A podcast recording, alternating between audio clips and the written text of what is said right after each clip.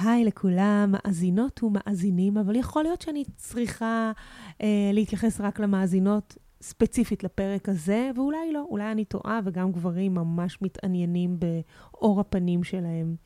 אז הפרק היום עוסק באור הפנים שלנו, שלמעשה הוא כרטיס הביקור שלנו. הוא מעסיק אותנו, והוא חי בדינמיות משתנה בהתאם לגיל שלנו, לתנאי הסביבה ולמזג הרגשי שלנו. אפשר לומר שהכל רואים על הפנים שלנו. אז מה הגורם לאור שלנו להיות לא מאוזן? מתי אנחנו מאבדות קולגן ואלסטין? ומתי סימני הגיל מופיעים? איך ההורמונים שלנו משפיעים על האור שלנו? איזה טכנולוגיות מסורתיות מוכחות מחקרית אנחנו יכולות להשתמש, ואיזה טכנולוגיות אחרות מתאימות ולמי? Uh, פרק שדיברנו על מיתוסים לגבי האור, וואי וואי, איזה פרק, אימא'לה. לפרק הזה היום הזמנתי את דוקטור טני הרוש, שהיא אימונולוגית ומומחית לשיקום אור. יחד ניסינו להביא פרק שלא נגמר באיזה קרם למרוח, ונוגע בסוגיות אור ברמה, ברמה עמוקה יותר. כרגיל, אם מצאתם ערך, שתפו את הפרק הזה עם עוד איש או אישה שזה יכול להיות רלוונטי עבורם. אני יותר מאשמח שתשתפו אותי איך הפרק הזה נגע בכם. אני מזמינה אתכם לאינסטגרם שלי, ליב עזריה, או לאתר שלי. שם תמצאו עוד מידע על תוכניות שחרור משקל לנשות קריירה ואימהות עסוקות, מידע לגבי תזונה, תודעה ועוד דברים שמעסיקים אותנו ברמה הבריאותית תודעתית www.livazarya.co.il שתהיה האזנה נעימה. ברוכים הבאים לפודקאסט סודות האנשים הבריאים בעולם, פודקאסט על תזונה, תודעה ובריאות אופטימלית. אני ליב עזריה, וכהאקרית של בריאות אני חוקרת את האנשים הבריאים בעולם.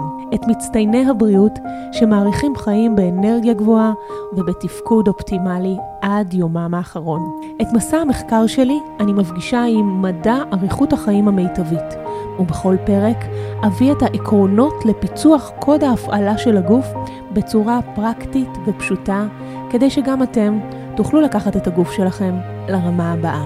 סודות האנשים הבריאים בעולם מתחילים עכשיו.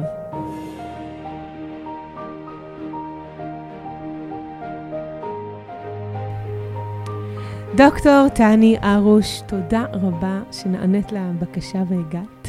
כיף להיות כאן. זה נושא מרתק, לא רק uh, נשים, בעיקר נשים, אבל גם גברים. אנחנו מדברים על המעטפת החיצונית, על מה שהסביבה, מה שהעולם פוגש uh, בפעם הראשונה, וזה את האור שלנו.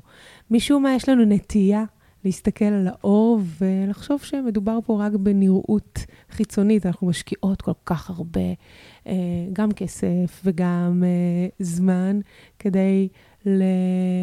לטפח את האור שלנו.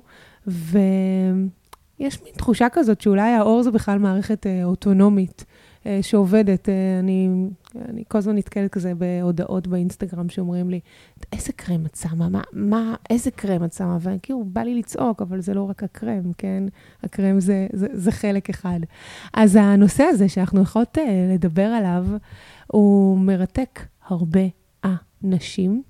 ובואי נצלול אל תוך המקום הזה שנקרא האור שלנו. אולי נתחיל קודם כל עם בכלל, מה זה האור הזה? כן. אולי ברמה הביולוגית. דיברתי הרבה, סליחה. אז באמת, בשביל להבין את, ה... את הדבר המאוד מורכב הזה, בואו נתחיל בלהסביר קודם כל שהאור זה לא מכסה של הגוף שלנו. אוקיי? זה איבר הכי גדול בגוף שלנו, זה איבר פונקציונלי של מערכת החיסון. הוא איבר חי ונושם. אה, האיבר הזה הוא גם איבר שקשור באופן מאוד הדוק למערכת העצבים שלנו ולמערכת ההפרשה ההורמונלית שלנו. אנחנו נדבר קצת בהמשך על כל הציר הנורא נורא מעניין הזה, אבל בשביל להבין אותו קצת יותר טוב, בואי נתחיל בלדבר על המבנה של האור. האור שלנו בצורה פשטנית מורכב משלוש שכבות. השכבה העליונה נקראת שכבת האפידרמיס, זאת בעצם השכבה שבאה במגע עם העולם החיצון, מה, מה שאנחנו, שאנחנו יכולים. לראות בעיניים, mm-hmm. בדיוק. השכבה הזאת מורכבת משכבות שכבות של תאים שנקראים קרטינוציטים. אמ, מתחת לשכבה הזאת, השכבה השנייה, נקראת שכבת הדרמיס. בשכבת הדרמיס יש לנו מגוון של תאים של מערכת החיסון, יש לנו תאים פיברובלסטיים, יש לנו קצות עצבים, כלי דם, זקיק השערה שלנו. אה, יש לנו את המטריקס החוץ-תאי, שזה בעצם אחד הדברים הכי מעניינים בשכבה הזאת, שזה ההרכב החלבוני אה, של קולגן, אלסטין, חומצה היאלורונית, פיברילין. זהו, עכשיו, עכשיו השארת אותם בקשיבות. כל המילים לא עניינו, ופתאום דיברת איתם על כל המילים שכולנו רוצות מהם עוד. בדיוק. אז אנחנו אחר כך אה, נדבר על איך משיגים עוד מהדברים כן. הטובים האלה, והאם בכלל, האם אפשר יש בנק, בכלל. האם יש בנק כזה של עוד קולגן, עוד אלסטין. אז כן. בשביל להשאיר אתכן במתח, אני אגיד לכן שכן. אוקיי, איזה כיף.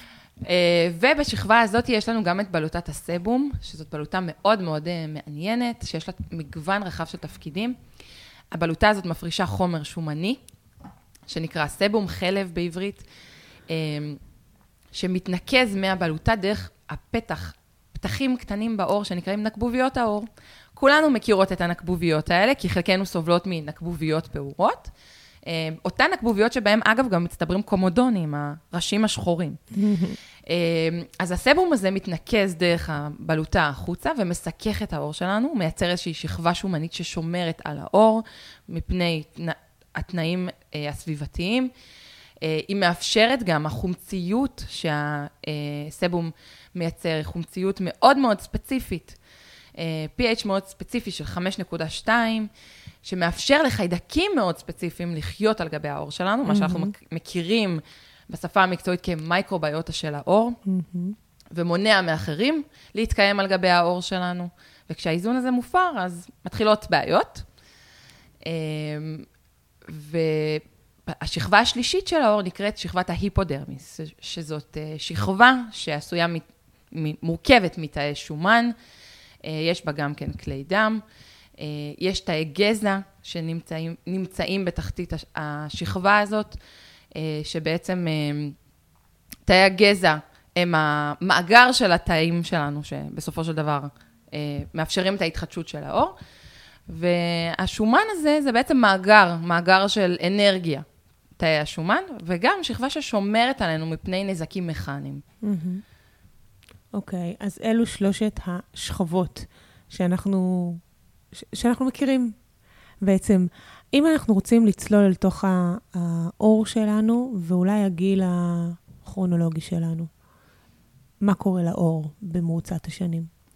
אוקיי, okay, אז uh, זאת שאלה מעולה, ואנחנו צריכות לדעת להבדיל, אגב, בהקשר של uh, מראה האור, בין הגיל הכרונולוגי לגיל הביולוגי שלנו. נכון, אבל תדעי, את צריכה לדעת שאם, שהמאזינים פה כבר מכירים את המונחים האלו. אני יודעת, המאזינות אה, היקרות שלך מטיבות לכת, נכון. ולכן אנחנו uh, נשים את הדגישים האלה. אבל כשאנחנו מדברות על גיל כרונולוגי, העור שלנו בעצם uh, נראה בפיק שלו עד גיל 30, mm-hmm. אוקיי? הוא מאוד חיוני, מאוד זוהר, מאוד קורן, נראה וואו. Mm-hmm. ואחת הטענות שאני שומעת אצלי בקליניקה הכי הרבה, בקרב נשים שככה בתחילת גילאי ה-30 המוקדמים, זה קמתי בוקר אחד, הסתכלתי במראה ואמרתי, מה קרה לעור שלי? Mm-hmm. אז אה, נשים יקרות זה משהו שהוא גורף. Okay. אוקיי. בגיל 30 מתחילים לקרות תהליכים בעור. Mm-hmm. אנחנו בעצם מתחילות אה, לאבד מדי שנה, החל מגיל 30, בין 1 ל-1.5 אחוז קולגן בשנה. אה, קולגן זה בעצם החלבון שאחראי על החוזק של העור שלנו. סיבי אלסטין מתחילים להידלדל ולהיות פחות אלסטיים. סיבי אלסטין כשמם כן הם, הם אחראים על האלסטיות, על הגמישות של העור. Mm-hmm. ואז אנחנו בעצם מתחילים לראות קמטוטים, קמטי הבעה עדינים, סביב העיניים, במצח, שזה מאוד מאוד אופייני לגילאים האלו. יש ירידה בכמ, בכמות של החומצה היאלורונית, שהתפקיד של החומצה היאלורונית זה בעצם, זה מעין אה, לחוטן שסופח את כל הנוזלים שנמצאים בעור, וגורם לעור להיראות חיוני ולח וזוהר. אז אנחנו מאבדות גם כמויות ממנו. נכבדות של חומצה היאלורונית עם הגיל. וככל שאנחנו מתקדמות עם הגיל הכרונולוגי שלנו, אנחנו בעצם מאבדות את המרכיבים האלה, אנחנו מאבדות לחות בעור, העור שלנו מתחיל לראות רפוי, עמום, מתחיל מאוד נפילות של שרירי הפנים, אה, וזה בעצם קורה באופן קולקטיבי, מהמם. בכל הגוף שלנו. וגם טבעי. נכון, טבעי. חלק זה חלק אה, טבעי מההזדקנות. שלנו. וזה משהו שאנחנו צריכות להבין אותו. אה, לא חייב להשלים איתו, אבל צריך להבין אותו, שזה תהליך. כנראה שגם חייב להשלים איתו. באיזשהו אופן. באיזשהו גיל. ו... ובמהלך התה... תהליך ההזדקנות קורים כל מיני דברים. דברים שקשורים גם למבנה הצ... של האור עצמו, וגם לכל מיני שינויים הורמונליים שאנחנו כנשים חוות. אה, הציר ההורמונלי מאוד מאוד מקושר לאור. אה, אפשר לראות את זה אה, כשאנחנו, למשל בהיריון, נכון? בתחילת ההיריון, בחודשים הראשונים, אומרים על נשים בהיריון שהן זוהרות, שיש להן איזשהו אור מיוחד בפנים. אז האור המיוחד הזה בפנים מגיע מעלייה מאוד יפה ברמות האסטרוגן והפרוגסטרון. מהמם. אה, אבל העלייה הזאת אה, יכולה להיות גם אה, קוץ, מה שנקרא, כי כמות גבוהה של אה, אסטרוגן ופרוגסטרון יכולה לגרום להיפרפיגמנטציה, שזו תופעה שמאוד נפוצה נכון. בנשים בהיריון. הכתמי פרפר האלה על כן. הפנים לא, שנקראים- אני נראה לי שנתיים הסתובבתי עם שפם. כן, נכון, זה נקרא אה, מלזמה או קלואזמה. אה, מצד שני, אם אנחנו מסתכלות על שלב המנפאוזה, שזה כניסה לגיל, ה, לגיל הבלוט, אנחנו רואות שם ירידה מאוד חדה בכמות האסטרוגן, שמשפיעה על הנראות של האור. אה, כשאנחנו מאבדות כמויות גדולות של אסטרוגן, האור מתחיל להתייבש. הציר ההורמונלי הוא מאוד חשוב, הוא מאוד חשוב גם בקרב נשים שסובלות מאקנה, למשל. זה מדהים, גם לפני וסת וגם אח- שלושה ימים אחרי הווסת, פתאום משהו, כאילו, כאילו הפנים חזרו לעצמם. נכון, זה, זה ממש זה גם נכון. עלייה באסטרוגן. נכון, כל הפלקטואציות האלה, ירידות, עליות בפרוגסטרון, אסטרוגן, גורמות לאור שלנו להגיב באופן מיידי. זה ברמה של שעות. אני לא חושבת שהמאזינות שלנו מבינות כמה האור שלנו ומאזינים. הוא... מאזינים, כן. כמה האור שלנו הוא ריאקטיבי לשינויים האלה, ברמה של דקות, כי בואו נחשוב רגע על אלרגיה, נכון? אם אנחנו אוכלות משהו שאנחנו אלרגיות אליו, פתאום תוך דקות יכולה להתפתח תגובה. אז גם להורמונים, מהמם.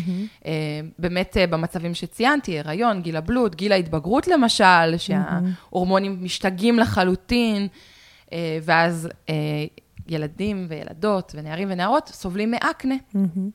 אבל לא רק, גם נשים בגיל המעבר סובלות מאקנה. סוג שונה אמנם, אבל uh, זה גם המקור. חוסר איזון הורמונלי, בסופו של דבר, זה מאוד מאוד מאוד חשוב. אז זה בעצם מתייחס לתהליכים הכרונולוגיים של הגוף, שאין לי הרבה שליטה עליהם. זו הזדקנות טבעית של הגוף, ו... ו... ואני צריכה כנראה להשלים עם זה. מנגד, יש לי את הגיל הביולוגי שלי, ולפני שנדבר על עוד גורמים שמשפיעים על האור, מה יכול, בוא נדבר רגע על הגיל הביולוגי ואיך אני יכולה להתייחס אליו בהקשר של האור.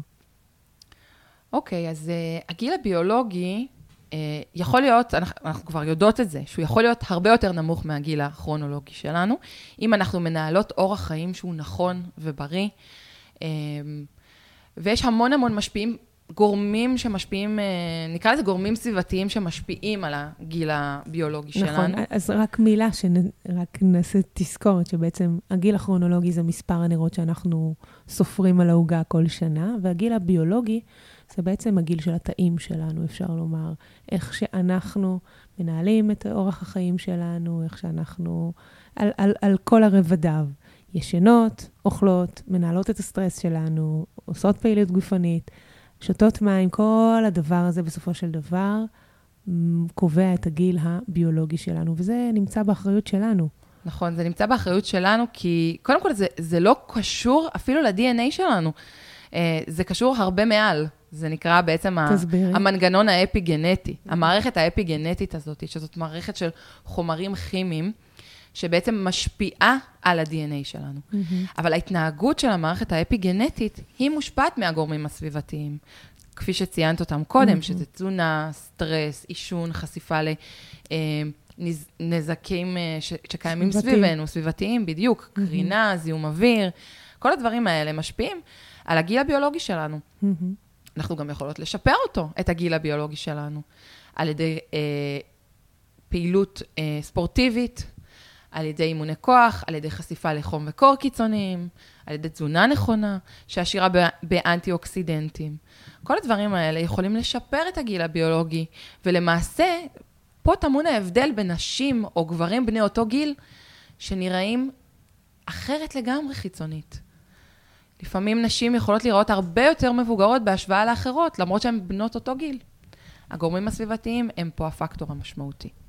אז למעשה אנחנו מדברות על הגיל הביולוגי שהוא משפיע באופן ישיר על מראה העור שלנו.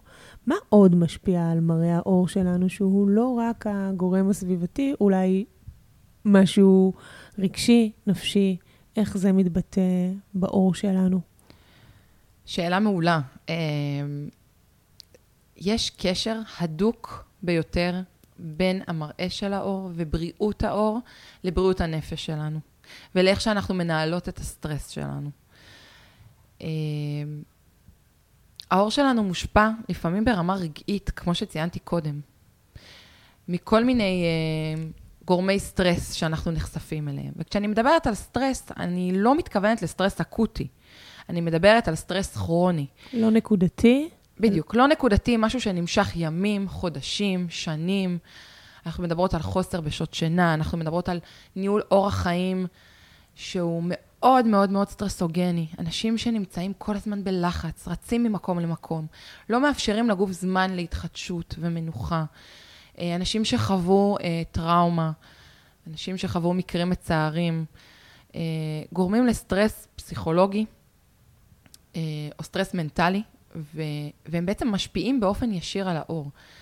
וההשפעה על העור היא, היא פיזיולוגית, אוקיי? היא לא ברמה שאנחנו מדברות על זה עכשיו באוויר. היא ברמה של תקשורת בין מערכת העצבים לבין העור שלנו. אנחנו מדברות על הפרשה הורמונלית, למשל של קורטיזול, אה, ההורמון הידוע לשמצה בהקשר של סטרס. בסטרס כרוני יש לנו כמות אדירה של קורטיזול שמופרשת בצורה בלתי מבוקרת, כמו שקורטיזול אמור להיות מופרש, נכון? הרי mm-hmm. אנחנו יודעות שאנחנו אמורות לצפות לפיקים של קורטיזול בבוקר, שיורדים במהלך היממה.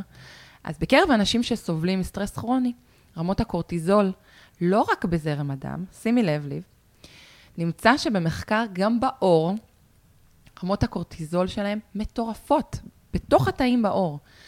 וזה משפיע באופן ישיר על, ה, על העור שלנו. איך זה נראה? איך זה בא לידי, לידי ביטוי ההשפעה הזאת? אה, עור שנמצא בסטרס יכול להיות אה, מאוד עמום, מאוד עייף, אה, עם המון קמטים וקמטוטים, בהשוואה לאנשים שלא חווים סטרס.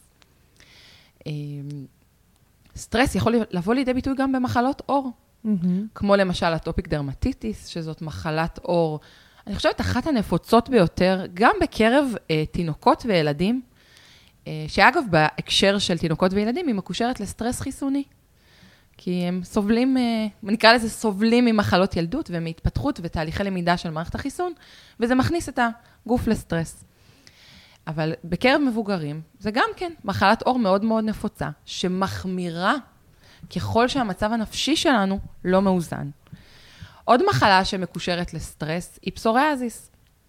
זאת מחלה שבה השכבה העליונה של האפידרמיס, שדיברנו עליה קודם, מתחדשת בצורה בלתי מבוקרת.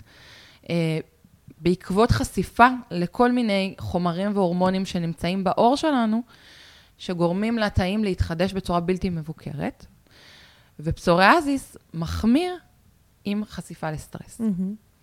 ואם אנחנו רוצים לשנייה לא לדבר על אה, מחלות, אבל נגיד על אה, ייצור של קולגן או של אלסטין בהקשר של סטרס, יש לזה קשר? כן, כמובן, כי כשאנחנו מדברים על סטרס, אנחנו צריכים לזכור שאנחנו מדברים על תהליך, על תהליך דלקתי בסופו של דבר. זה תהליך דלקתי שקורה בתוך העור. התהליך הדלקתי הזה הוא לא הדלקת שאנחנו מכירים כשיש לנו מכה או חתך והעור מתנפח ונראה אדום, אלא תהליך דלקתי שמתווך על ידי מערכת החיסון. על ידי כל מיני חומרים כימיים שמופרשים על ידי תאים של מערכת החיסון, שמעודדים תהליכי דלקת. התהליכי דלקת האלה גורמים בסופו של דבר לנזק, לנזק ל-DNA שלנו, אוקיי? אנחנו מדברים על נזק לחלבונים קיימים, אנחנו מדברים על נזק ל-DNA, אנחנו מדברים על uh, אוקסידציה, חמצון של ה-DNA, חמצון של כל מיני מבנים חלבוניים בעור שלנו, וכשאני מדברת על מבנים חלבוניים, אני מדברת על הקולגן, על האלסטין, שזה החלבונים שבעצם מגמישים את העור שלנו ומאפשרים לו להיות אה, מאוד ככה קשיח. אה, ו- וסטרס משפיע על זה באופן ישיר. אין שום דבר טוב בסטרס, חשוב לי להגיד. הוא לא טוב לאף מערכת בגוף, סטרס כרוני, כן? נכון. אה, אבל העור שלנו הוא מראה למה שקורה בגוף. ואני לפעמים, על סמך הסתכלות על עור של מטופלת, או על סתם מישהי שאני פוגשת בחוץ, על סמך המראה של העור שלה, אני יודעת להגיד כמה אורח החיים שלה הוא סטרסוגני, שזה מדהים. אגב, אה, זה skill שכולנו יכולות ללמוד. אנחנו פשוט לא קשובות לעור שלנו מספיק. אנחנו לא יודעות לקרוא אותו, אנחנו לא יודעות ללמוד אותו. ולמה זה קורה? כי אנחנו חיות בסטרס. אין לנו את הזמן הסתכלות הזאת מול המראה. כל ההסתכלות מול המראה היא בדרך כלל למרוח דברים, לצחצח שיניים בבוקר, לשים איפור ולצאת מהבית. כי זאת התרבות, זו תרבות נכון. של אה, כואב לי הראש, אני אשתי אקמול. בדיוק, אה, אבל ההסתכלות הנכונה על אור היא הסתכלות הוליסטית. מה שקורה בגוף, בפנים, בתוך הגוף, משפיע על האור, ואז האור בעצם משמש מראה למה שקורה בגוף, האור והשיער אגב, ומה שקורה בחוץ, זאת אומרת חוויות שאנחנו אה, אה, מושפעות מהן, מהסביבה החיצונית שלנו, ומשפיעות על האור, האור יתקשר את זה עם פנים הגוף. דוגמה קלאסית למשל, נשים שסובלות מאקנה, אוקיי? שזאת מחלה דלקתית, מחלת עור דלקתית. כמה זה משפיע על הביטחון העצמי שלהם. איך זה פוגע, איך הן מרגישות ממש ממש חלשות, קשה להן להסתובב, קשה להן לייצר קשרים חברתיים. וכאן המראה של האור ובריאות האור משפיעה על בריאות הנפש. אז חשוב לדעת שזה בעצם, both side, ממש. בדיוק, זה עובד לשני הכיוונים. בהיבט הרגשי, אני, טוב, לי יש כמה סיפורים אה, לגבי אה, האור, כי קרני שלי, כשהיא נכנסה לגן חובה, אז היא חוותה באמת איזה אטופיק דרמטיטיס, שמיד הרופאת עור נתנה לנו משחות וכדורים. אה, לא נתנו, ובסופו של דבר אה, הבנו שזה משהו מאוד מאוד רגשי, טיפלנו בזה בדרכים אחרות. Uh, וגם, את יודעת, אפשר לומר לטובה, כשאנחנו חוזרות מחופשה טובה, אז uh, יש משהו, פתאום אומרים, וואו, מה, מה עשית באור? משהו זוהר בך. Uh, ואני יכולה לומר גם בתהליכים שאני מעבירה, נשים חוות, זה כזה לוקח איזה חודש, ואז הם פתאום, הם הגיעו לשחרר משקל, אבל זה אומרות, כולם שואלים אותי מה עשיתי בפנים, אבל לא, לא, לא, לא הזרקתי או משהו. אכלתי טוב. ו... וזה, אני חושבת תומך בשני, כי כשאת אוכלת טוב, אז יש משהו גם פתאום בחוסן המנטלי שלך, ומשהו ברוגע, ותזונה טובה אה, מייצרת לנו מוח שהוא שבע, ובעצם זה בסוף משתקף אל האור שלנו, ובאמת שזה איבר שהוא ניזון גם ממה שקורה החוצה, ובעיקר ממה שקורה פנימה, וזה לגמרי הראי הכי טוב של הנפש. זה כלי מדהים, אגב, אני כל הזמן אומרת להורים שמגיעים אליי לטפל באטופיק דרמטיטיס בתינוקות שלהם. ההתקף האטופי, בדרך כלל, מגיע לפני מחלת חום, Mm-hmm. בתינוקות וילדים. Mm-hmm. שימי לב איזה דבר מדהים זה. אנחנו יכולים לחזות מחלות חום בקרב ילדים על סמך השינויים בעור, שזה משהו מטורף בעיניי. אה, אנשים שסובלים למשל מאקזמה או סבוריאה, אה, סביב העיניים, את ידעת שאקזמה או סבוריאה סביב העיניים מעידה על סטרס נפשי? לא. לא. איזה נתון מפתיע זה. Mm-hmm. אנשים לא קשובים לעור שלהם מספיק, והוא אומר עלינו המון. תגידי, ו... מבחינת איזונים. אני יכולה להסתכל למשל על מטופלת שסובלת מאקנה, ואני אסתכל עליה ואני אגיד לה, אני חושדת שאת סובלת מתסמונת שחלות פוליציסטיות. על סמך מראה העור שלה, על סמך מיקום האקנה, על סמך הסיעור שיש לה בפנים. זהו, בלי... אני אשלח אותה כמובן לעשות בדיקות דם ולבדיקה גינקולוגית, אבל על סמך מראה העור אני יודעת לזהות את הדברים האלה. ומה עם, אה, סתם, עכשיו זה מעניין אותי, עם אה, שחורים מתחת לעיניים? קירויות? טעויות. אוקיי, זה נושא מורכב. מורכב. לא יודעת, אולי בחצי מילה. אוקיי. אז אה, אם אנחנו מדברות על קיאויות מתחת לעיניים, אני יודעת שזאת בעיית, בעיית עור שמטרידה הרבה נשים, אבל בואי נבין למה זה נגרם. קודם כל, העור מתחת לעיניים שלנו הוא עור מאוד דק בהשוואה לשאר העור בגוף ולעור הפנים. האזור הזה של האור, גם אין בו בלוטות סבום, שדיברנו עליהם קודם, ואין בו בלוטות זיעה. כלומר, אין שום דבר שמסכך את האור באזור הזה, ולכן הוא מאוד מאוד דק ופגיע. מהמם. הוא גם יושב על אזור שמבחינה אנטומית זה ארובת העין שלנו, זה איזשהו חלל. וכששמים את הפיסת אור הדקה הזאת על החלל, לפעמים אנחנו רואות קהות. אנחנו בעצם רואות את מה שיש מתחת, במבנה של השלד, של הפנים שלנו. מהמם. אה, אבל קהויות לא נובעות רק מהמבנה של העין. קהויות יכולות לנבוע מחוסר שעות שינה. מעישון, מחוסר איזון הורמונלי, מסטרס, מתקיעות. ברפואה הסינית קוראים לזה ככה, תקיעות של דם, אה, בכלי דם הקטנטנים, בנימים האלה שנמצאים תחת העיניים. וגם יש את המרכיב הגנטי, שזה בעצם מהמם. ככה אימא שלי נראית, כך, או ככה אבא שלי נראה, יש להם קהויות מתחת לעיניים, ואז גם אני סובלת מזה. מהמם. במקרה הזה זה קצת פחות פתיר. אוקיי. אי אפשר לשנות את מעניין. הגנטיקה שלנו ב- בהקשר הזה, אבל יש פתרונות אסתטיים היום שנותנים מענה לזה. טוב, אז אחרי, אחרי שדיכאת פה את... אחרי שהבנו שבעצם האור זה לא מערכת אוטונומית, והיא עובדת אה, בהוליזם עם כל המערכות האחרות בגוף, ויותר מזה, היא בעצם אומרת לנו, משהו טוב קורה איתך, או משהו לא טוב קורה איתך. בואי תקשיבי לי. הנטייה הטבעית שלנו היא ללכת לחפש את הקוסמטיקאית הכי טובה, ללכת לחפש את הקרם הכי טוב, אה, ואולי להתעלם מהבעיה פנימה. אבל שנייה, הבנו את המקום הרגשי הנפשי. מה, מה כן אני יכולה לעשות ב- כדי לשמר את האור שלי, או אולי אפילו להצעיר אותו? זה, אמרתי פה משהו שהוא מוגזם? אה, אמרת פה משהו שהוא אפשרי, אוקיי. אבל בא לי שננפץ באמת מיתוסים קודם, נכון? בוא ננפץ מיתוסים לגבי כל מה שקשור לטיפוח האור שלנו, אה, כי זה נראה לי דבר שהוא סופר סופר חשוב לדבר עליו. בואי נדבר על קרם לחוט.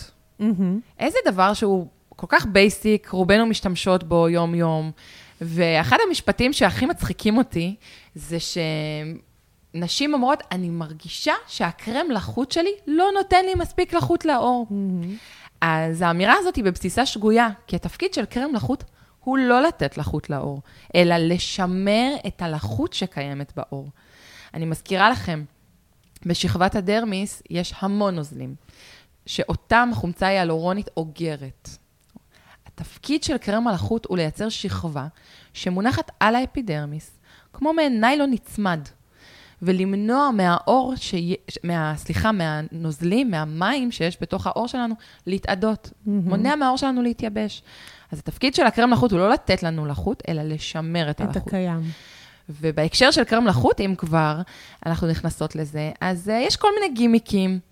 Uh, קרם לחוט עם חומצה היאלורונית, קרם לחוט עם קולגן, קרם לחוט עם כל מיני פפטידים. בואו ננפץ מיתוס גם בקשר לזה. יאללה. חומצה, התפקיד של חומצה היאלורונית בתוך הקרם לחוט, היא בעצם לספוח את הלחות שנמצאת בתוך הקרם, בתוך המוצר הקוסמטי, ולייצר שכבה שנועלת את הלחות בתוך העור שלנו. היא לחוטן מעולה, אבל זאת מולקולה עצומה. היא לא יכולה לחדור לעור שלנו בשום דרך. מהמם. אם אנחנו רוצות להחדיר חומצה היאלורונית לעור, אנחנו צריכות ללכת למנתח הפלסטי הקרוב לביתנו ולעשות הזרקה של חומצה היאלורונית. היא לא נכנסת לתוך העור. אה, וגם, רגע, ובבליעה? אוקיי, בבליעה זה נושא מעניין. אוקיי. אה, חומצה היאלורונית בבליעה אה, הוכחה מבחינה מחקרית כחומר שמשפר את ההידרציה של העור, את הלחות בעור. מהמם. היא לא תמנע קמטים, מהמם. היא לא תמלא קמטים, מהמם. היא תאפשר בעצם לעור להיראות יותר חיוני ויותר אה, זוהר. כי בעצם אם זה מולקולה גדולה, אז בבליעה היא כן נספגת? היא נספגת, אבל אנחנו צריכות לזכור שכל דבר שנכנס למערכת העיכול שלנו, לא עובר באופן ישיר דרך איזשהו צינור ישירות לאיבר המטרה. Mhm. אם אנחנו בולעות חומצה היאלורונית או קולגן, הוא לא נש... משוגר ישירות לאור הפנים שלנו. Mhm. הוא קודם כל מתפרק לאבני הבניין. עצם העובדה שיש לנו אבני בניין זמינות, מאפשר לגוף שלנו לבנות את החלבונים האלה בצורה הרבה הרבה יותר יעילה ונכונה. אוקיי. זאת אומרת שאם את תשתי קולגן, באבקה או בכדורים, אז בעצם הקולגן יתפרק במערכת העיכול לאבני הבניין. ומה שיישאר יהיה לחוץ. יהיו לנו אבני בניין זמינות לבנות קולגן, והגוף פשוט יתעדף בנייה של קולגן בעור או בסחוסים, או איפה שחסר, כן? אה, אגב, קולגן, המחקרים הראשונים שבוצעו בהקשר לזה, הם היו בכלל הספורטאים. אה, ראו שזה משפר את, ה, את הפעילות והמוביליות של המפרקים שלהם. מהמם. אז, okay. אוקיי. ועל הדרך גם ראו שהעור שלהם נראה וואו. אז יופי, אז כן. זה ממש אה, אה, ניפוץ מיתוס, ו- וכיף לשמוע את זה. כן, עוד דבר אה, חשוב ממש, אה, עוד מיתוס שבא לי לנפץ, זה שימוש בסבון פנים. מהמם. איזה דבר basic זה, שימוש בסבון פנים? אה, שרובנו משתמשות בסבוני פנים שהורסים לנו את העור. אתן זוכרות שדיברתי מקודם על, אה, על ה-PH. על ה-pH, נכון? אני- על החומציות בעור, על הסבום שבעצם מווסת את רמת החומציות בעור, שצריך להיות 5.2. אז אה, תנו לי לספר לכם סוד קטן ככה. רוב הסבונים שנמכרים ברשתות הפארם לא מתאימים ל-pH של העור פנים שלנו. הם מתאימים ל-pH של עור הגוף שלנו, אה, שזה pH 5.5, וזה ממש ממש מזיק לעור הפנים שלנו. ואז זה מייבש אותנו, זה נכון? מייבש אותו, Mm, בדיוק. וואו, אני ממש מרגישה את זה עם אה, סבונים שהם... אה, נכון. ויתרה מכך, אם אנחנו מדברות כבר על עור ולא רק על עור הפנים, אז הסבוני גוף שאנחנו משתמשות בהם, הקלאסיים, כן. הנוזליים, ה-pH שלהם הוא נוטה יותר לכיוון הבסיסי, זאת אומרת, הוא, מאו- הוא מאוד מאוד אה, גבוה, נקרא לזה ככה, נוטה יותר לכיוון השש. זה גם גורם נזק לעור הגוף שלנו. ואז אנחנו לפעמים מרגישים גירוי, יובש, חוסר נעימות בעור אחרי מקלחת, שאנחנו. אמורות להרגיש בדיוק ההפך. נכון, וגם דיברנו מקודם על המקרוביום, על החיידקים הטובים ש, נכון. ש, ששומרים על העור שלנו. אז אם אני, יש לי אימא, שעד ל, לא מזמן היא הייתה פשוט מקרצפת עצמה כל הזמן, ואומרת לה, אימא, האובר הזה הוא גם מאוד לא בריא. אז uh, זה גם כן איזו הבנה שאולי שווה להבין שיש אצלה, שאנחנו חיות עם uh, אוכלוסיית חיידקים על העור ששומרת אותנו מפני uh, כל מיני uh, פתוגנים או מזיקים וכאלה. נכון, זה ממש נכון, ואנחנו צריכות לשמר את האוכלוסייה הזאת, והשימור שלה באופן הכי בסיסי נעשה על ידי שימוש בסבון. מאוד חשוב להשתמש בסבונים שמותאמים לרמת החומציות של העור שלנו. חשוב לא לקרצף את העור בכל מיני ליפות. אז מה חשוב לבדוק מאחורה? אה, בגדול, אני אגיד לך, אה, לא ניתן לרכוש ברשתות הפארם סבונים שהם וואו. מבחינת רמת חומציות מותאמים לעור שלנו. אבל אם אתן כבר רוצות להשתמש בסבון כזה, שיהיה לכם נגיש, ולא לרכוש אותו אצל קוסמטיקאית למשל, תשתמשו בסבון טבעי. סבון מוצק טבעי, מותאם ל-pH של העור שלנו.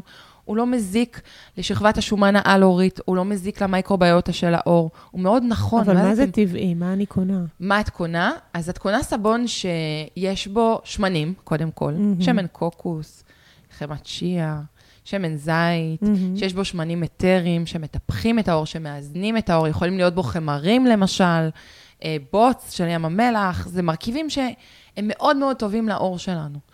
וזה הבדל מאוד משמעותי מבחינת התחושה, גם אחרי שטיפת פנים או מקלחת בסבונים האלה.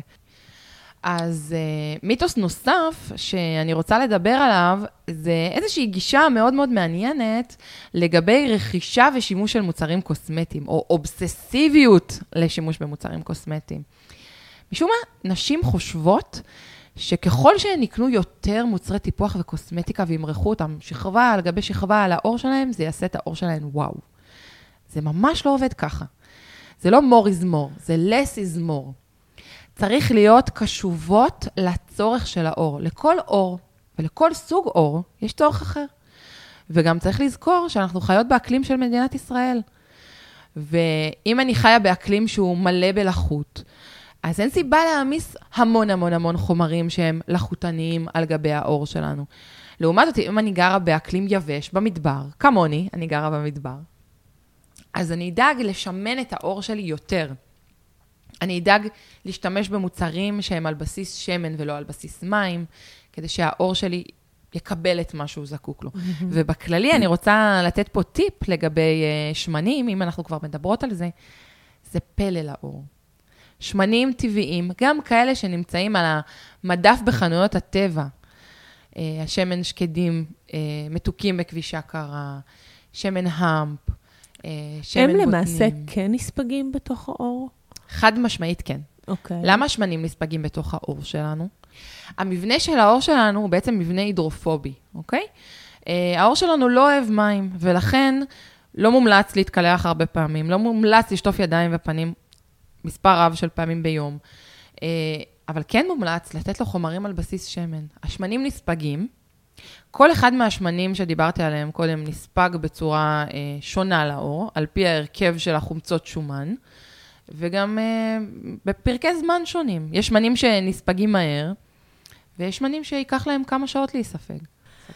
טוב, תקשיבי, אני שומעת לך ומסקרן אותי לדעת איך את הגעת לכל הדבר הזה, לפני שנגיע ל-how to, כי נראה שיש לך איזה סיפור מאחורי, אה, שאת עוקבת משהו. כן, אז אה, לי יש סיפור מאוד מאוד מורכב. כמו שליב הציגה אותי, בהתחלה אני אימונולוגית, וזה אולי יכול להעלות לאנשים תהייה, רגע, אימונולוגית? מה הקשר שלה לבריאות העור בכלל? אז אה, אני, אחרי הלידה של הבת הגדולה שלי, לפני כמה שנים טובות, סבלתי מפיגמנטציה מאוד מפושטת על גבי העור, וחיפשתי דרך אה, מדעית, נקרא לזה ככה, לטפל בפיגמנטציה שלי, מתוך מקום של תסכול מאוד מאוד מאוד עמוק ממראה עור הפנים שלי. אה, וגם כל הזמן הייתי ממוקדת בלהסתיר את העור, למרוח שכבות על גבי שכבות של מייקאפ ואיפור, אה, כדי להסתיר את, הבעיה הזאת. ופניתי בעצם אה, למנוע חיפוש למאמרים מדעיים, והתחלתי לחפש פתרון לבעיה. ובאחד השיטוטים שלי נתקלתי במאמר שעסק ב... בעצם בשימוש בדיקור סיני כאמצעי לשיקום עור בבתי חולים בסין ובארצות הברית, שעושים רפואה אינטגרטיבית. למי שלא יודעת מה זה רפואה אינטגרטיבית, מדובר בשילוב בין רפואה טבעית או רפואה סינית אה, לרפואה קונבנציונלית, לרפואה המערבית. ובבתי חולים האלו, אנשים שעברו אה, ניתוחי שחזור פנים בעקבות תאונות או כוויות קשות, או ניתוחי השתלת עור, אחרי הניתוח עשו להם דיקור סיני. אני התחלתי לקרוא את המאמר הזה, ופתאום ראיתי שהשפה הזאת מאוד מאוד מוכרת לי. כי דיברו שם על כל מיני מרכיבים של מערכת החיסון, דיברו שם על מרכיבים אה, שפתאום אה, אמ, אמרתי לעצמי כזה, רגע, אני מכירה אותם. אה, אני לא יודעת אם ליב דיברה על זה, אבל ההתעסקות שלי וההתמקדות שלי במהלך הדוקטורט שלי הייתה במערכת הגניקולוגית, בנשים בהיריון ובהפרעות הריון. ופתאום כשקראתי את המאמר הזה, אמרתי, וואלה, רגע, אני מכירה את כל הדבר הזה. תהליך יצירת העוברות ברחם, זה בדיוק כמו תהליך התחדשות עור אחרי פציעה, אחרי פציעה מבוקרת. וואו. זה תסבירי. אותו דבר.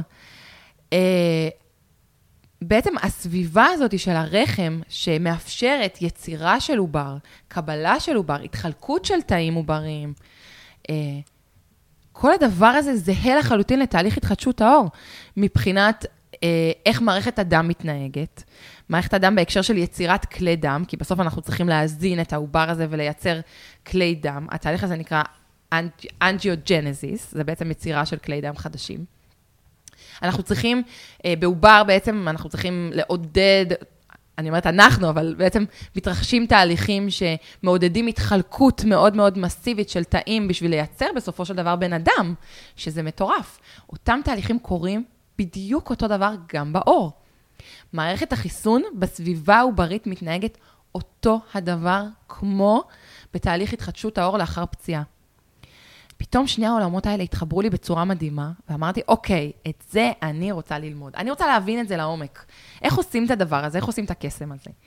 אז בעצם פניתי ללמוד uh, דיקור סיני, ובמהלך הלימודים נחשפתי uh, לעולם החומרים הטבעיים, uh, החומרים הטבעיים הפעילים, ובמהלך השנים ככה פיתחתי לעצמי, אספתי לעצמי שיטות. לקחתי קצת מהרפואה הסינית, קצת מהרפואה המערבית, קצת מהרפואה, אה, מהדיקור הקוריאני, אה, ויישמתי אותם לשיטת טיפול בעור, שהמטרה שלה בעצם זה לייצר אה, שינויים שמובילים להתחדשות של העור, להצערה של העור. דיברת קודם האם אפשר להצעיר את העור, אז חד משמעית כן.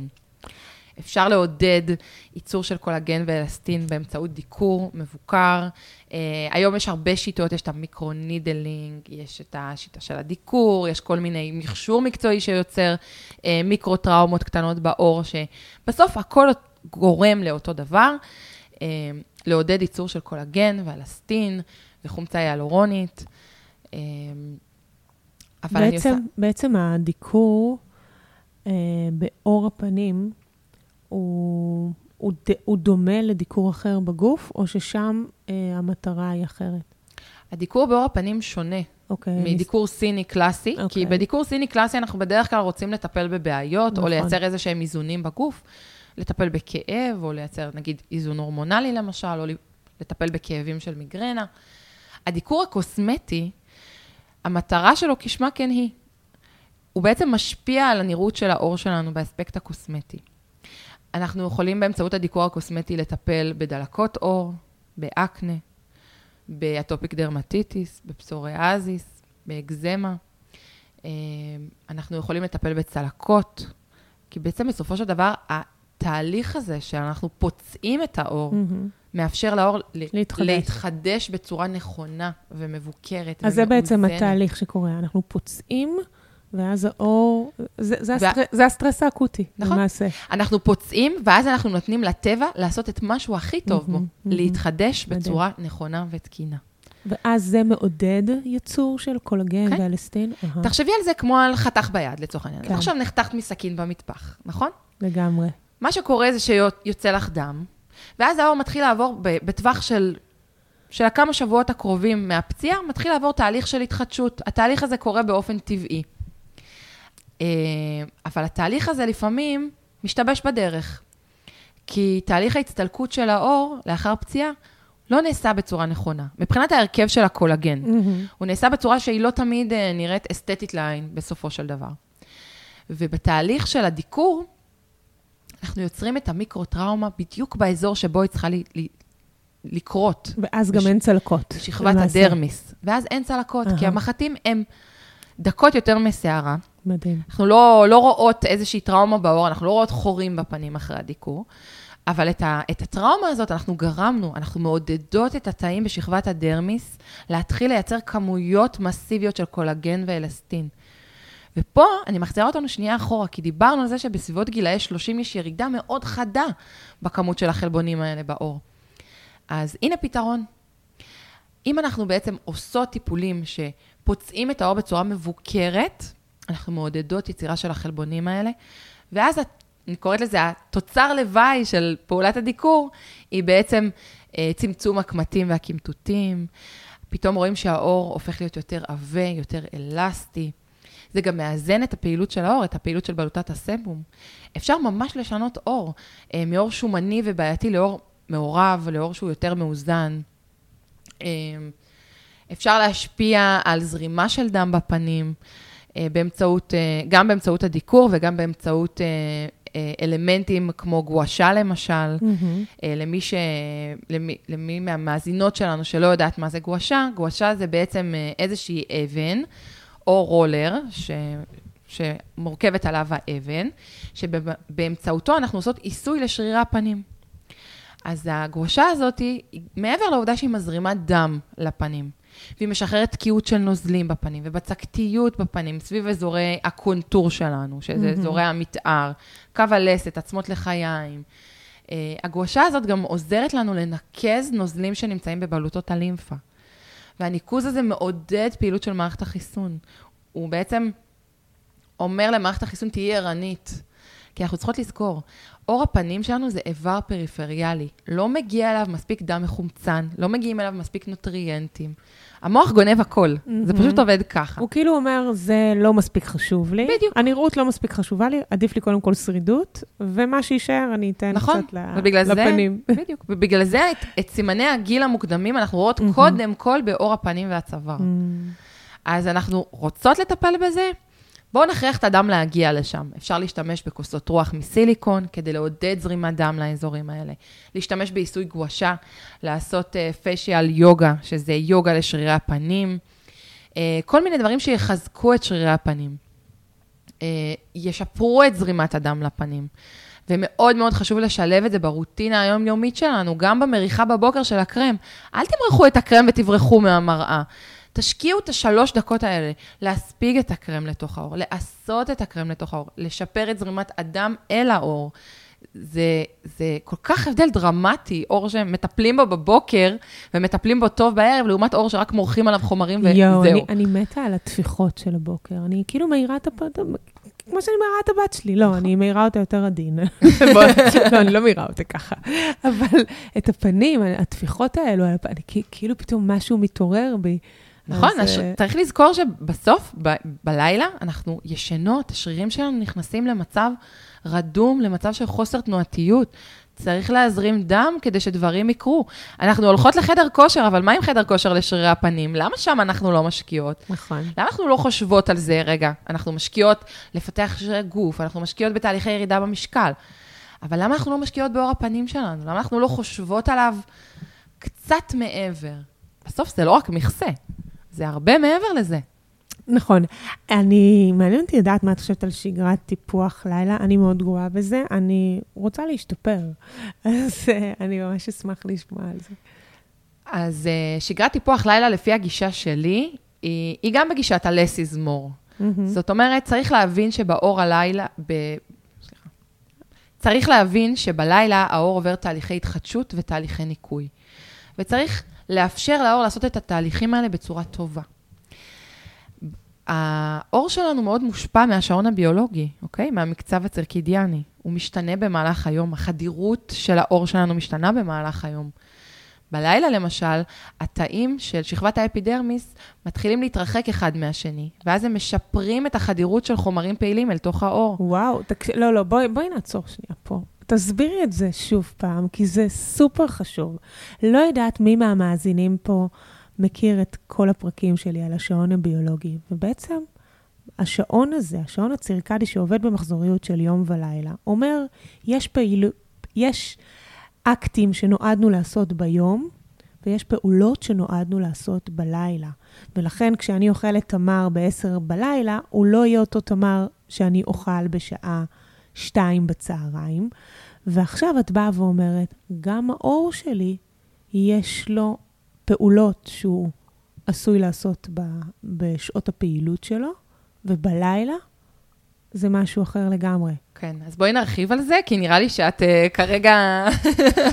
לא, שזה, כי זה וואו מבחינתי, ואני אוהבת אפקטים של וואו. זה וואו לגמרי. אז בואי וואו. נדבר רגע על, באמת על ההשפעה של השעון הביולוגי, של המרכב, המקצב הצירקידיאני, על האור שלנו. מה קורה בבוקר?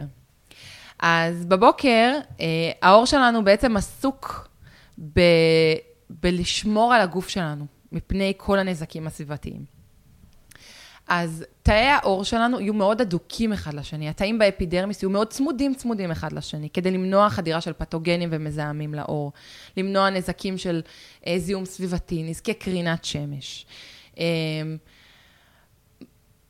פעילות מערכת החיסון שלנו בשעות הבוקר היא פחותה לעומת שעות הלילה. אמ, בבוקר האור שלנו עסוק בלשמר לחות.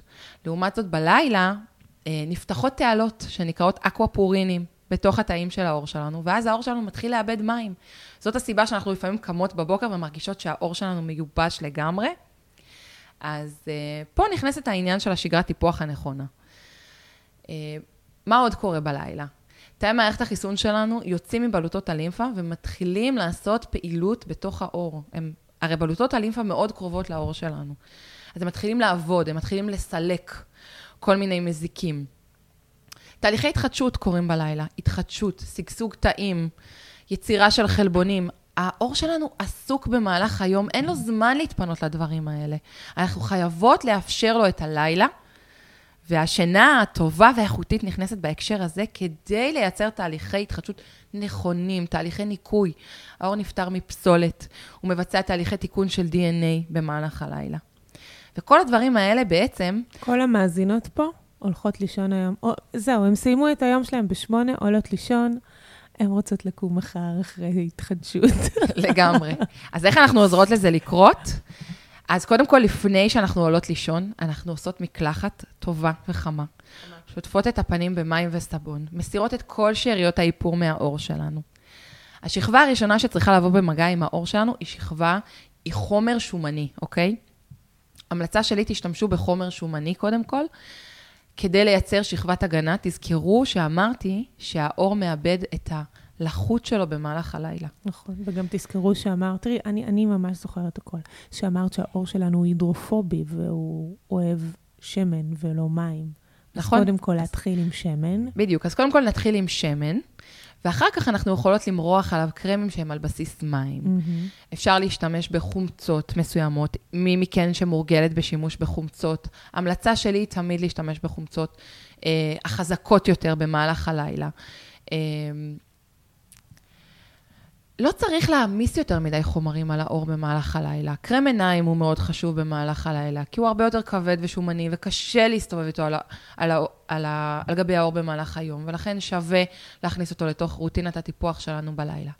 תקדישו 4-5 דקות בלילה לעשות את עור הפנים שלכם טוב עם החומרים, כדי לשפר את החדירות של החומרים הפעילים אל תוך העור. הגושה בלילה? גואשה בלילה, כן. אה, כוס רוח אני ממליצה גם כן בלילה. אה, דיקור, אם אתן משתמשות בכל מיני מכשירים שעושים דיקור, אה, כמו דרמה רולר, למשל, לעשות אותו בלילה. באמת, ה- הרוטינת טיפוח עור היא לא צריכה להיות נטל, כי ברגע שהיא הופכת להיות נטל, אנחנו פשוט משאירות אותה בצד. אחרי שהשקענו באמת אלפי שקלים לפעמים על מוצרי טיפוח, ואנחנו לא עושות עם זה כלום. צריך לאמץ שגרה שהיא מינימליסטית ונכונה לצורך של העור שלנו, ובשביל לאמץ שגרה כזאת, אז צריך אנשי ונשות מקצוע שיעזרו לכם לסגל שגרת טיפוח כזאת ולהתאים את המוצרים שנכונים לכם. מוצרי טיפוח לעור לא הולכים וקונים בפארם מתוך איזשהו אקט של נגמר לי הקרם אז אני הולכת לקנות ומה שבמבצע אני קונה. זה ממש לא נכון. אה, תשקיעו מחשבה. תשקיעו מחשבה במה אתן מורחות על העור שלכן ומה אתן מכניסות גם לתוך הגוף שלכן, כדי שהעור שלכן יגיב בתמורה לזה. אז אם אני רוצה שנייה לעשות איזשהו סיכום, אז אני מבינה שהאור שלי זה לא מערכת אוטונומית. הוא לא עובד אה, בנפרד למה שקורה איתי בגוף. האור הוא למעשה מראה, שיקוף של מה שקורה לי הרבה פעמים פנימה. אה, ובהקשר של אה, פרק על בריאות העור, אי אפשר לדבר על בריאות העור בלי לדבר על נזקי הסוכר לעור. על מה שסוכר עושה לעור הפנים שלנו. אנחנו רגילים לדבר על uh, סוכר בהקשר של השמנה, אבל סוכרים ומזונות שהם מתפרקים במהירות לסוכר, מה שנקרא uh, פחמימה פשוטה, פסטה, לחם uh, לבן, ובעצם מקושרים להזדקנות מוקדמת. בעצם אה, הם אפילו משחררים אנזים שמפרק לנו את הקולגן שדיברנו עליו אה, מקודם, ויוצרות עור שהוא יבש, חסר ברק, אדמומי, אה, לא גמיש אולי. וחשוב שנשים את זה מול העיניים, אם הסוכר ככה לא מרתיע אותנו בהקשר של השמנה, הרבה פעמים כשמדובר באיך שהעור שלי נראה, פתאום אנחנו ככה יותר שמות לב מה, מה להכניס לגוף שלנו. העור שלנו, אולי אחד הדברים שהוא פחות אוהב זה סוכר, את רוצה שאני אספר למה? אז בשמחה רבה. למה אה, סוכרים הם פחות טובים לעור כן, שלנו? ו- ופשוט אני ממש מדברת על אפילו סוכר, אה, מייפל, אה, דבש, כל, ה, כל הדברים שכביכול אני אומרת, אה, לא, זה לא סוכר, זה... אני אוכלת מייפל, אבל סוכר זה סוכר זה סוכר, אה, ואני ממש אשמח לשמוע את ה... אז uh, בעור שלנו מתבצע תהליך שנקרא גליקציה, שזה בעצם, uh, אנחנו לוקחים מולקולה סוכרית מהסוכרים שאנחנו צורכות על ידי המזון, והסוכר הזה מוצמד בתהליך הגליקציה למבנים חלבוניים, שאנחנו מדברות שוב על הקולגן ועל האלסטין, והוא הורס את המבנים החלבוניים האלה. ונעשה מחקר שבדק בקרב אנשים שחולים בסכרת סוג 2, אה, וראו שהתוצרי גליקציה האלה שמזיקים לעור, נמצאים אצלם בעור פי 50 מאנשים שלא חולים בסוכרת, וואו. שזה נתון מדהים. והנזקים של התוצרי גליקציה האלה, הם בעצם מונעים את ההתחדשות של העור ואת היכולת ריקאברי של העור מפציעות. וזאת גם הסיבה שאנשים שחולים בסוכרת סוג 2, מאוד קשה לעור שלהם להחלים, להחלים מפציעות שמידרדרות בהמשך לכאבי סוכרת מאוד מאוד חמורים. את יודעת, אם אנחנו כבר מדברות על סוכר, אולי שווה שנדבר על skin food? כן, איזה לגמרי. מזונות מתאימים לנו לעור הפנים? וואו, זה כל כך כל כך מעניין, אה, כי נראה לי שהרבה פעמים אנחנו שומעות כל מיני מושגים שאנחנו לא יודעות באיזה קונטקסט לשים אותם בכלל. אנטי-אוקסידנטים, איזה מילה מפוצצת זאת. אה, חומרים עוצמתיים, הכי עוצמתיים שקיימים בטבע, שנמצאים במזון שלנו, שיש להם יכולת אה, לנגוד את תהליכי החמצון, תהליכי הסטרס שדיברנו עליהם קודם, ולאפשר לעור שלנו לבצע תהליכי תיקון והתחדשות בצורה טובה. אז בנגזרת של האנטי-אוקסידנטים אנחנו מדברות על ויטמין C, ויטמין A, ויטמין E. אה, אני מניחה שהמאזינות שלנו כבר יודעות איפה אפשר למצוא אותם. כן, נמצא, כן, כן, כן, שווה שניתן uh, כל מיני... Uh, כן. אז uh, ויטמין C אנחנו יכולות למצוא בעצם בפירות ההדר בכמות מאוד גדולה, בגמבות, בברוקולי, בפלפל צהוב ואדום, בכרוב אדום, בכרוב ניצני מבושל, בגויאבה, בקיווי, אמרנו קיווי, בתות שדה, באננס. הרבה מאוד ויטמין C שאפשר לצרוך מהמזון שלנו, מירקות, מפירות טריים. כן, יש לנו את uh, ויטמין E שנמצא בשמנים. כשאנחנו uh, מדברות על שמנים, אנחנו מדברות על שמנים איכותיים. Uh, שמנים בכבישה קרה. אוקיי? שמן זית, שמן קוקוס, שמני אגוזים למיניהם. אמ, ופה אנחנו מדברות על בבליעה. כן, כן, אנחנו כן. מדברות, כל מה שאנחנו מדברות עכשיו זה בליעה, כי אנחנו הרי מדברות על תזונה. אז בקבוצה הזאת של אה, ויטמין E, אז יראה חמנייה ושקדים ושמנים, כמו שאמרת, אה, בכבישה קרה, אגוזי לוז, יש בהם כמות גדולה, וצנוברים.